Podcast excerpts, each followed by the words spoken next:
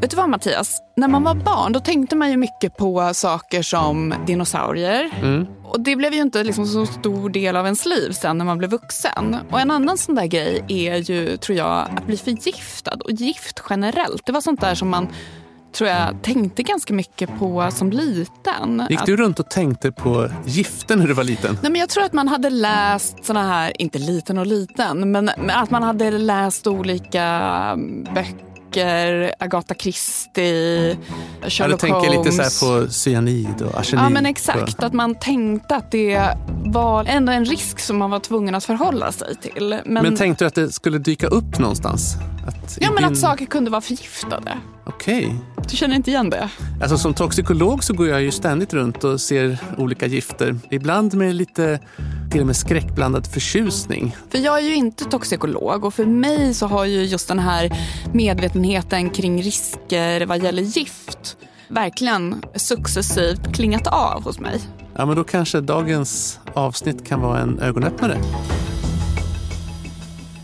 Du lyssnar på Riskzonen med mig, Mattias Öberg. Och med mig Emma Frans. Och det här är en podd där vi ger ett vetenskapligt perspektiv på händelser som skakat världen och påverkat hur vi ser på risker. Den här säsongen gör vi tillsammans med Centrum för hälsokriser på Karolinska institutet. Och det gör att varje avsnitt som vi gör på något sätt kommer att koppla till olika typer av hälsokriser. Och I det här avsnittet så ska vi prata om hur gifter kan påverka individens hälsa men faktiskt också kontaminera miljön och sätta skräck i en hel befolkning.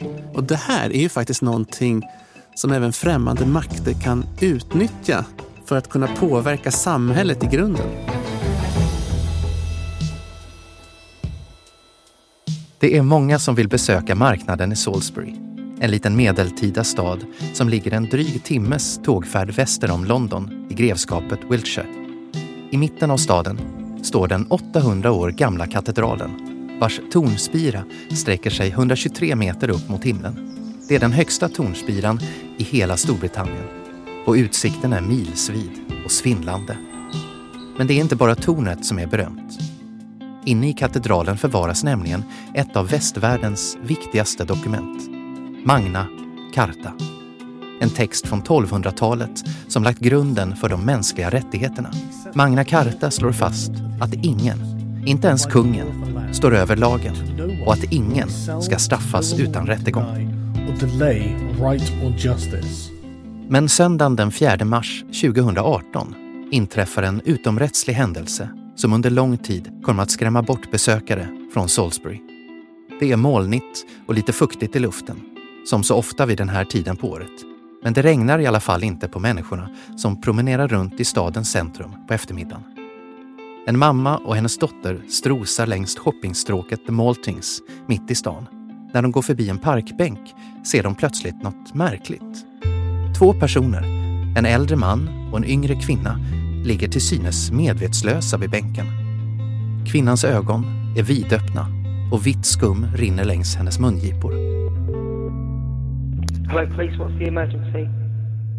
De sitter på en parkbänk och glider in och ut ur medvetande, lyder rapporten från polisen som är först på plats. Flera ambulanser anländer och man inleder livräddande insatser i det som misstänks vara någon form av drogrelaterad överdos. Men tillståndet för de båda personerna blir allt mer kritiskt. Klockan 11 minuter över fem lyfter räddningspersonal in den unga kvinnan i en ambulanshelikopter medan den äldre mannen körs i ambulans till det närliggande akutsjukhuset.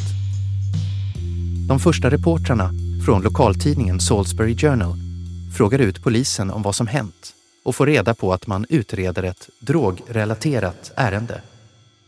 Men det ska snart visa sig att det handlar om något helt annat och att alla som haft direktkontakt med paret kan ha utsatts för ett livsfarligt gift.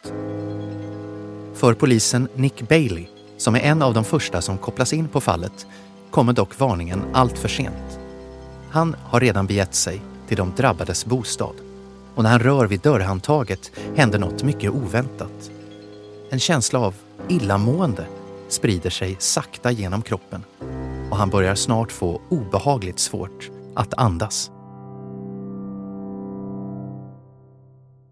Tänk vad svårt det måste vara för utryckningens personal att helt plötsligt vara på en plats, man har ingen aning om vad det är som har hänt. Man försöker snabbt få någon överblick kring den här situationen. Och jag menar i de allra flesta fall så hittar man personer på en parkbänk som är utslagna så kanske man liksom misstänker någon typ av överdos. Men att faktiskt inte förstå vad som ligger bakom det här kan ju faktiskt innebära att den här utryckningspersonalen själva hamnar i livsfara som det var i just det här fallet. Jag tror att det är väldigt naturligt att man utgår ifrån det som är det vanliga, så som det brukar vara. Precis som du säger, är det en parkbänk, folk är på något sätt utslagna, man kanske tänker att de kanske har fått för mycket opioider, fentanyl eller något sånt här. Och då, jag menar, I de allra flesta fall så har man ju säkert rätt och då kanske det är ganska bra att inte lägga alldeles för mycket tid och resurser på att följa spår som är extremt osannolika. Men det är klart, det finns ju ändå en del saker du alltid kan göra. Alltså bara det här att ha lite basal skyddsutrustning, att kanske ha handskar. I det här fallet så kan ju det faktiskt ha räddat en del av den här personalen från att få direkt hudkontakt med giftet.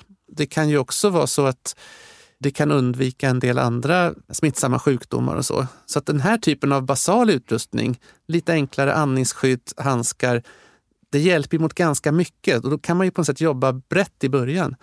Men om man då efter ett tag misstänker att det är en förgiftning som det här handlar om. Hur går man tillväga för att utreda vad det egentligen är som har orsakat det här hälsotillståndet? Jag skulle tro att de som kom till den här platsen rätt tidigt förstår att det är någon typ av förgiftning. Sen kanske man tänker att det är en, någon typ av överdos eller något sånt här drogrelaterat ärende pratas det om.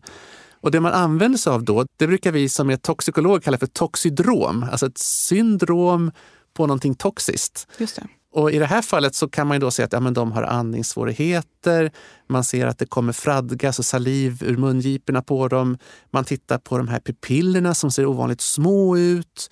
Och allt det här gör ju att du får en signal om att det här är någonting som har påverkat nervsystemet. Och jag vet att i det här fallet så testade man att ge motgift, det här Naloxon, som du kan ge just till fentanyl, opioid, relaterade förgiftningar. Så man kan då utifrån såna här symptom kunna känna igen vilken kategori gift det här tillhör och sen då genom det förstå vilket motgift som behövs. Ja, men lite så faktiskt fungerar det. Och då märker du också att ja, men om det här motgiftet inte fungerar, okej, okay, men då kanske vi är på fel spår. det blir lite trial and error nästan. Jag skulle tro att man lite grann, man utgår ifrån den information man får. I Sverige fungerar det också så att kommer det in en sån här patient på en akutmottagning så ringer ju behandlande läkarna till Giftinformationscentralen. Och där sitter ju de och har en jättebra databas på vilka symptom som är kopplade till vilka gifter och i så fall hur man ska behandla det. Men om vi går tillbaka till den här polisen som drabbades och eh, riskerna för vårdpersonalen. Hur påverkas sjukhus och polisverksamhet om de anställda riskerar att bli förgiftade bara av att nudda olika föremål eller personer? Ja, det är superintressant tycker jag. Just det här, ett enskilt fall av en överdos, det hade ju inte blivit en hälsokris eller påverkat samhället. Men en patient som på något sätt, eller i det här fallet då två patienter eller till och med tre, men det är fortfarande ett litet antal som har ett gift som tas upp över huden. Plötsligt så ställer det här frågor om Måste vi sanera hela akutmottagningen? Ambulansen kanske inte går att använda. Helikoptern som de färdats i, måste den genomgå någon superbehandling? Det är mycket personal som är i rörelse. Eh, måste de kontrolleras? Andra patienter, är de i fara? Det här kan låsa hela liksom vård och räddningskedjan, så det påverkar ju samhället. Och sen kommer ju dessutom då det här med att aha, det kanske blir en större fråga. Vi måste koppla in de nationella enheterna, kanske till och med regeringsnivån så småningom. Och just det här med hur samhällets påverkat, det tycker jag är jätteintressant ur ett hälsokrisperspektiv. Så därför inför det här avsnittet så har jag intervjuat en person från Försvarshögskolan Fredrik Bunander. Jag är chef för Försvarshögskolans Centrum för totalförsvar och samhällets säkerhet. Statsvetare och har jobbat mycket med den här typen av krishantering. Och det vi har tittat på är hur ska säga, moderna västerländska samhällen hanterar svåra störningar i samhället och akuta störningar. Eh, tyvärr ofta inte speciellt bra är väl vår slutsats efter 30-talet år forskning på området. De har jobbat mycket med samordning i hela liksom, samhället. Hur påverkas hela samhällsstrukturen och hur fungerar de olika aktörerna gentemot varandra? Och vad händer i ett samhälle? Både med liksom, privatpersonerna och myndigheterna. Och det samspelet är ju superviktigt när en händelse går från att vara ett enskilt förgiftningsfall till någonting som kanske är större. Vad minns du av händelsen i Salisbury och vad tyckte du stack ut? Det var ju på många sätt en eh, häpnadsväckande händelse därför att eh, det stod ganska snart klart att en stat har tagit någon av daga i, på ett annat lands territorium med hjälp av kemiska stridsmedel och det är på många sätt uppseendeväckande.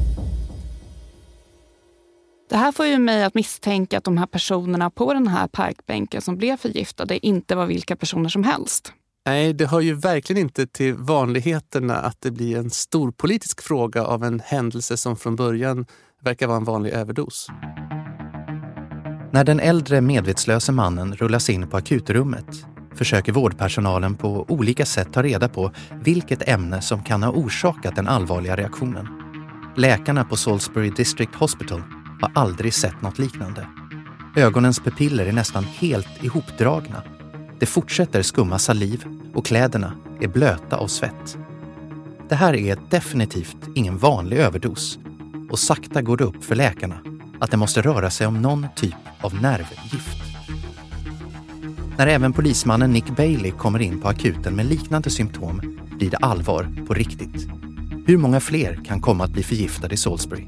Vad är det för ämne egentligen? Det som började som en misstänkt överdos har nu övergått till något som skulle kunna vara en kemisk attack mot samhället. Runt parkbänken i centrala Salisbury spärrar polisen av ett allt större område. Runt parkbänken rör sig specialtränad personal i rymddräktsliknande och heltäckande gröna skyddsdräkter. Försiktigt samlar de upp material som läggs i särskilda behållare. Det ska visa sig att giftet som ligger bakom tre personers hastiga insjuknande tillhör en grupp mycket potenta kemiska stridsmedel som togs fram i Sovjetunionen under kalla kriget.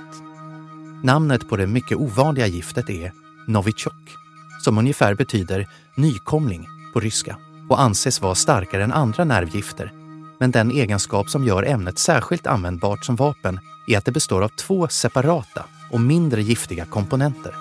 Komponenter som sedan blandas för att aktivera ämnet. Det gör att Novichok kan transporteras utan större risker. Men det är inte bara giftet som är ovanligt. Den äldre mannen och den unga kvinnan som hittas medvetslösa vid parkbänken är inga vanliga Salisburybor. Sergej Skripal is the man Putin wanted dead. Det är den före detta dubbelagenten Sergej Skripal och hans dotter Julia som hamnat i koma. He is by now familiar as a cheerful Salisbury pensioner. But to Russia's president, this former Russian intelligence officer is a traitor. Sergej Skripal föds 1951 i den då sovjetryska exklaven Kaliningrad vid Östersjökusten. På 1970 och 80-talet tjänstgör han som soldat i den sovjetiska militären innan han blir rekryterad in i underrättelsetjänsten GRU. På 90-talet blir han sen värvad som dubbelagent av brittiska MI6 och överlämnar under flera år ryska militära hemligheter till dem. 2004 avslöjas hans dubbelspel och han döms i Ryssland till ett långt fängelsestraff för spioneri. Sex år senare, 2010, genomför Ryssland och Storbritannien tillsammans med USA ett utbyte av fängslade före detta spioner och agenter. En av dem som släpps fri är Sergej Skripal. Han får brittisk medborgarskap och slår sig ner i Salisbury där han lever ett stilla liv långt från händelsernas centrum. Kvar i Ryssland finns dottern Julia som regelbundet åker och hälsar på sin pappa. Dagen före attentatet har hon återigen anlänt med flyget från Moskva till Heathrow och sen åkt vidare till sin pappa i Salisbury. Men den här gången hinner de inte umgås särskilt länge innan de båda hittas medvetslösa vid parkbänken. Det verkar ju som det finns goda skäl att misstänka att det är Ryssland som ligger bakom det här attentatet. Alltså, jag tror att när man väl insåg vem det var som hade blivit förgiftad, den här Sergej, och man kände ju naturligtvis till hans historia i England, då är det ju inte helt osannolikt att tänka på att den ryska säkerhetstjänsten på något sätt är inblandad. Och det är inte ens första gången något liknande händer i England. Men det är ju inte bara att han är en före detta dubbelagent som får oss att misstänka att det är ryssarna som ligger bakom det här. Det här giftet var ju också någonting som specifikt hade utvecklats av Sovjetunionen. Varför vill man göra det så uppenbart? I andra fall kanske gärningsmannen vill dölja sin identitet. Och det finns ju enklare sätt och mer diskreta sätt att ta livet av en person. Varför tror du att man väljer den här typen av tillvägagångssätt där man nästan liksom vill peka på sig själv? Ja, men det är ju som att man lämnar verkligen ett visitkort. Exakt. Eh, och det här handlar kanske också om någonting mer. Det kanske handlar om kommunikation av något slag. Det är ju ganska häpnadsväckande att en stat använder ett unikt kemiskt ämne som alla kopplar till just den staten mot en person som vi också direkt kopplar till Ryssland. Och på ett sånt här liksom ganska obehagligt sätt som nästan känns som de, det eh, liksom hör hemma i en spionfilm. En av de saker som Ryssland sa direkt efter att den här anklagelsen mot dem då kom ut var att ja, men om det hade varit vi, då skulle han ju ha dött. För vi är inte så här slarviga. Ah, typ. Okej, okay. ah, ja, så det kanske inte gick exakt som de hade tänkt. Det kan ju ha varit så att de kanske var lite för sloppy på något ah, sätt. Okay. Men samtidigt så tror jag att det spelade ingen roll. Nej. För att det huvudsakliga målet var nog inte att ta livet av en föredetting utan att sända en annan typ av signal till västvärlden i stort just det här fallet och när man använder ett ämne som man är ganska ensam om i världen att kunna producera vad jag förstår så eh, gör man ju det över ytan så att säga. Man vill skicka signalen att vi kan nå förrädarna mot moder Ryssland varhelst i världen de befinner sig och vi kommer att göra det. Vi skyr inga medel för att sätta åt de som har förrått oss.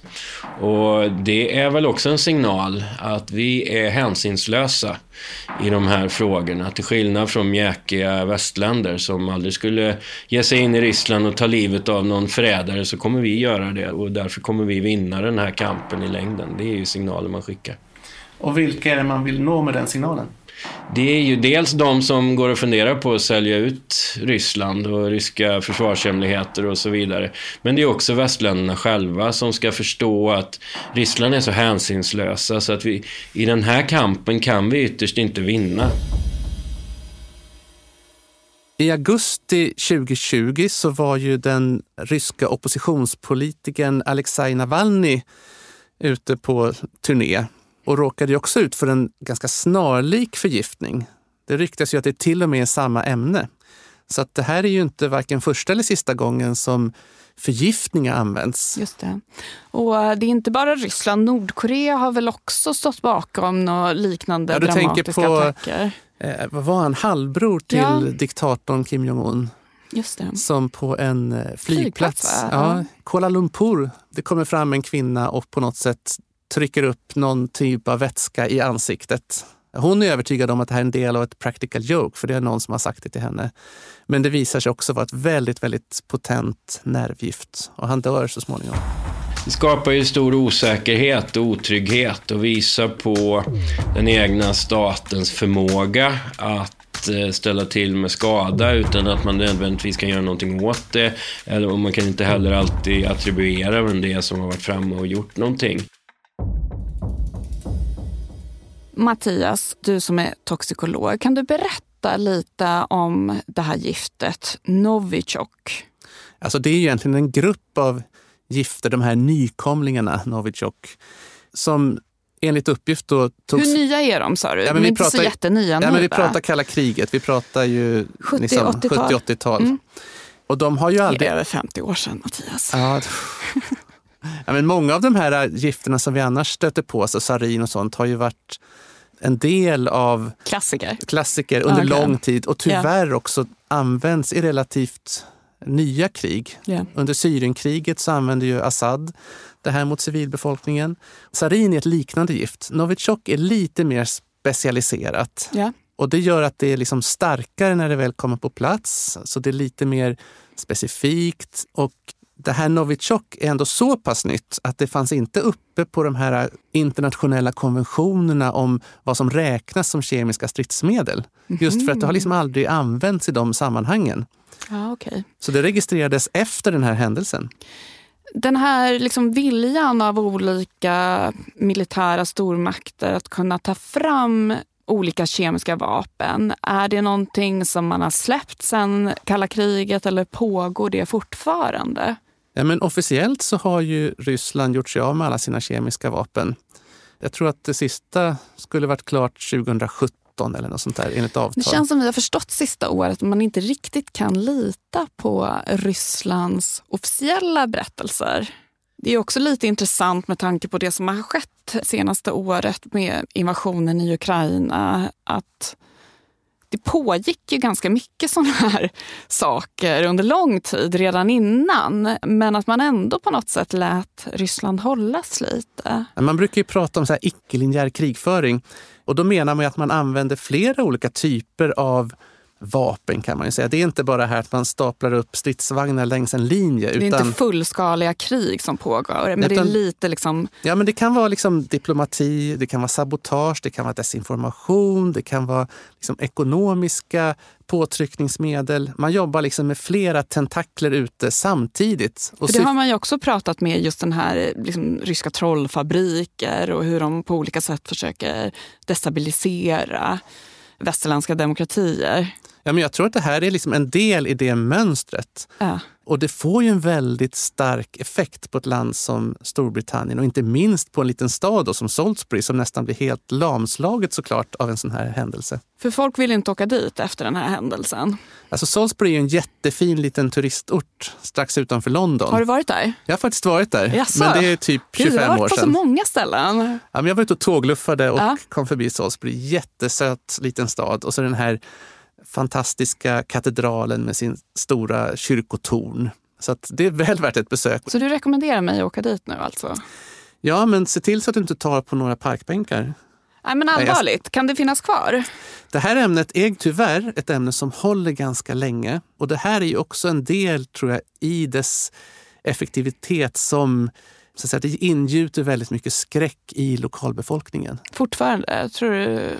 Nej, nu tror jag det är så pass många år sedan och man Ja. har ju naturligtvis jobbat jättemycket med att vara ute och analysera och ta reda på var det här ämnet fanns någonstans. Men man hade ju avspärrat ganska stora delar kring Skripals bostad och kring den här platsen där de hittades under lång tid. Och var de här åtgärderna effektiva då? Lyckades man skydda den övriga befolkningen? Ja, kanske inte riktigt så bra som man skulle ha kunnat önska. With permission, Mr. Speaker, I would like to update the House on the incident in Salisbury När den brittiska premiärministern Theresa May kliver fram i talarstolen tystnar ledamöterna i salen. Det har gått en dryg vecka sedan Sergej Skripal och hans dotter hittades medvetslösa vid en parkbänk i Salisbury. Och nu börjar bilden av vad som hänt klarna. It is now clear that Mr. Skripal and his daughter were poisoned with a military grade nerve agent Att det var ett ryskt gift gör att premiärministern bara ser två möjliga alternativ. Antingen är det en rysk attack på engelsk mark eller så har de ryska myndigheterna tappat kontrollen över en av världens farligaste kemikalier.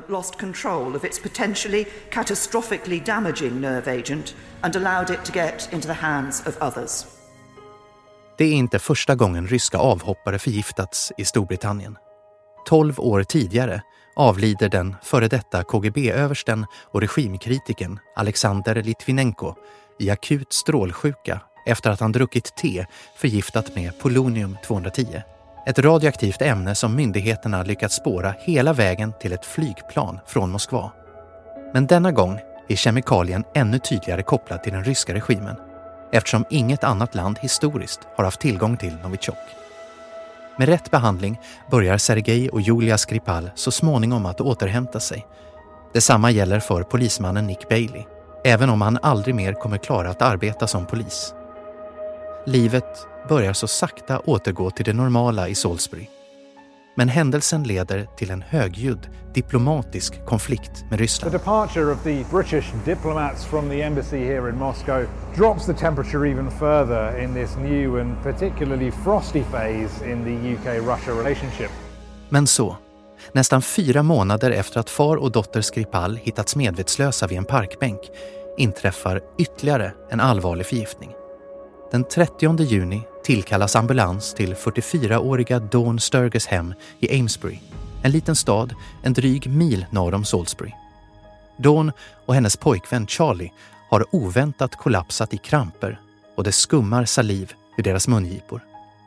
Det ska senare visa sig att Dawn och Charlie varit i Salisbury samma dag som Julia och Sergej Skripal förgiftades och att Charlie då hittat en parfymflaska som någon tappat. Några månader senare tar han fram flaskan och Dawn vill gärna testa hur parfymen doftar och sprutar ut lite av vätskan på sin handled. Några få droppar räcker för att giftet ska tränga in genom huden och in i hennes blod. Inom några minuter är Dawn medvetslös och hon kommer aldrig mer att vakna upp. Den 8 juli 2018 bestämmer sig läkarna för att avsluta den livsuppehållande behandlingen och Dawn blir därmed giftattackens första och enda dödsoffer. Skulle du plocka upp en parfymflaska av något exklusivt märke och testa lite? Ja, varför inte? Jag tror att man just uppfattar det så väldigt oskyldigt på något sätt. Med, även om man kanske inte använder men, ah, men vad är det här, vad luktar den för någonting? Eller, det är lätt att tänka sig att kanske lite yngre personer åtminstone nog mycket väl skulle göra nej, det. nej, jag tänker därför skulle jag nog inte göra det. För jag är ganska liksom, känslig för starka dofter. Så att jag vill inte få en hemsk illaluktande parfym på mig. För det kan ju sitta kvar ganska länge det där. Men ibland när man går i såna här varuhus så står det ju folk där och erbjuder att man skulle kunna få testa en parfym och så. Så det är ju inte helt främmande ändå att man skulle få någon liksom, okänd vätska på sig när man är ute i offentliga miljöer. Man kan ju ändå tycka att har jag varit på samma ställe som det här då uppmärksammade giftmordet så kanske man ändå borde vara lite sådär försiktig innan man liksom... Jo, fast de var ju där samma dag. Ja, det borde de ha vetat menar jag. De Ah, borde okej, ha förstått måste- det efteråt. ah, att en okej. månad senare så här, Det säger toxikologen. du tycker att det är lite orättvist. Nej, men jag tänker att man kanske inte liksom överhuvudtaget har den typen av radar på sig där man funderar kring att ja, men den där flaskan, det kanske var det som låg bakom mordförsöket. Någonting som slog mig lite grann när man inser hur otroligt potent ämne det här har varit är att tänk om någon hade gått runt och liksom sprayat det här på flera på ställen. I, i en vit, liksom sån där, eh, mycket snyggare än de labbrockar jag någonsin har haft. Men som ändå får en att se lite sådär trovärdig ut. Det som är lite förrädiskt med den här typen av ämnen är att det går inte så där liksom blixtsnabbt att bli påverkad om du inte får in det liksom i luftvägarna och så. Utan får du det bara på huden så tar det ett tag innan det har liksom sipprat igenom och tagit sig in. Och det gör ju att ganska många kan ju hinna bli exponerade innan man förstår att det här är en stor hälsokris som kanske berör, vad vet jag, tiotals, hundratals personer. Men i det här fallet då, då hade skadan blivit så pass omfattande att motgiftet inte hjälpte den här kvinnan. Ja, dels så blev ju dosen väldigt hög eftersom hon så att säga sprutade sig själv. Och sen Ja. kan jag också tänka mig att det faktiskt också blev värre av att du försöker så att säga lukta på det här. För får du in det här i andningsvägarna så tas det upp mycket snabbare. Så misstanken är att hon sprutar det här på sig själv och sen luktar då efter hur det luktar. Ja. Som man gör när man testar en ny parfym. Otroligt tragiskt i alla fall. Mattias, du pratade om någon som skulle kunna stå på stan och spraya det här. Skulle man kunna skala upp det här och använda det liksom i en sorts terrorattack som man har gjort med sarin till exempel? Jag frågade faktiskt eh, Fredrik Binander, om en sån här händelse hade hänt i Sverige. Hade vi klarat av det här? Och då pekade han ju bland annat på att Sverige som ett öppet samhälle är ganska sårbart. Det är lätt att hitta de här punkterna där du kan nå ut med ett sånt här ämne och förgifta en ganska stor grupp människor. Sverige är ju ett land som bygger på öppna strukturer. Det är inte så svårt att ta reda på var vattentäkterna i Sverige finns till exempel om man skulle vilja förgifta ett stort antal människor och det är väldigt svårt att skydda sig mot. Eh, sen att vi faktiskt har börjat investera i det här igen. Under kalla kriget hade vi en plan för det här och nu börjar vi bygga de planerna igen. Men vi är ett vidsträckt land och det är väldigt svårt att skydda sig om någon verkligen har tänkt sig att skada en mängd människor så är det svårt. När det gäller samverkan då mellan olika, vilka aktörer behöver samverka och vad är svårigheterna i Sverige? Jag tror vi har ett system där samverkan fungerar ganska bra ute på blåljusmyndigheter och de som är vana att komma ut och hantera svåra situationer på olycksplatser och bränder och så vidare. Det här är ju någonting som övas på eh, dagligen i princip runt om i landet. Problemen uppstår när det här spiller över olika samhällssektorer, antingen lokalt eller nationellt. Därför att då måste den politiska nivån in och göra avdömningar och prioriteringar mellan vad som är viktigast och åtgärda så att säga. Och det politiska systemet är inte byggt för att göra de här snabba, akuta avgörandena, utan då hamnar det ofta i låsningar och frågorna blir väldigt politiserade. Vad är viktigast? Att se till att dagiset blir sanerat och kommer igång igen, eller är det fabriken som ligger nästgårds? Det där är en fråga som politiken har ganska svårt att hantera hantera. Men om vi säger då att det värsta händer, att det blir en sån här situation, en omfattande förgiftning. Mm. Hur reagerar samhället då? Ja, men vi har ju strukturer för krishantering och en av de vanliga grundprinciperna kallas för ansvarsprincipen. Och det är helt enkelt att olika aktörer som i vanliga fall har ansvar för olika delar i samhället ska fortsätta göra det och ha den beredskap och den kunskap som behövs inom deras respektive områden. Men det man har sett ibland är ju att just när det blir stora komplexa frågor och det är olika delar av samhället som måste liksom jobba ihop som ett maskineri, då funkar inte alltid riktigt det här. För det gömmer sig folk ibland också bakom det här. Ja, men det här är ju inte mitt vanliga ansvarsområde. Det kan gälla till exempel att regioner ska samverka. Om det finns skyddsutrustning i en region men det behövs i en annan. Om man då inte känner att det är mitt ansvar att också hjälpa de andra. Utan mitt ansvar är ju bara att hjälpa min lilla region. Just det. Då det kan där, det bli problem. Det där pratade man ju också om under pandemin. Just problematiken med att få de här olika aktörerna att samverka på ett bättre sätt. Och ofta är det väl så att såna här omfattande hälsokriser faktiskt handlar om komplexa frågor där det kan bli väldigt problematiskt när alla sitter och jobbar i stuprör. Och särskilt där du tänker då den här typen av väldigt ovanliga kemiska vapen. Men ska varje litet ställe i Sverige ha ett eget lager med motgifter och skyddsutrustning och sånt där? Vore det inte bättre ibland att ha det lite mer centraliserat och istället kunna liksom öva på att snabbt få ut det, skala upp räddningsinsatserna? Och det går ju lite emot den här traditionella ansvarsprincipen som funkar jättebra i lite mindre kriser. Jag tror vi måste forska mycket mer om relationen mellan ledarskap i kris och hur samhället reagerar på olika styrsignaler. Men Mattias, det här är ju en väldigt hemsk händelse. Mm. Går det att på något sätt förhindra att sånt här händer?